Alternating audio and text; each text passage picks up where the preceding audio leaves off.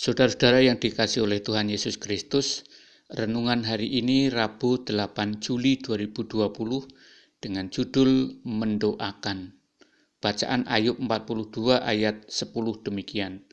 Lalu Tuhan memulihkan keadaan Ayub setelah ia meminta doa untuk sahabat-sahabatnya dan Tuhan memberikan kepada Ayub dua kali lipat dari segala kepunyaannya dahulu.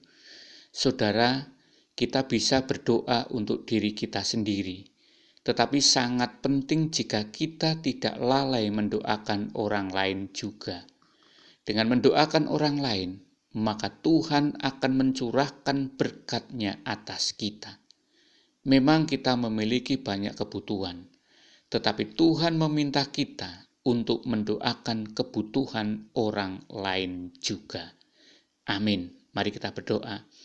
Mampukan kami ya Tuhan untuk senantiasa mendoakan orang lain. Amin.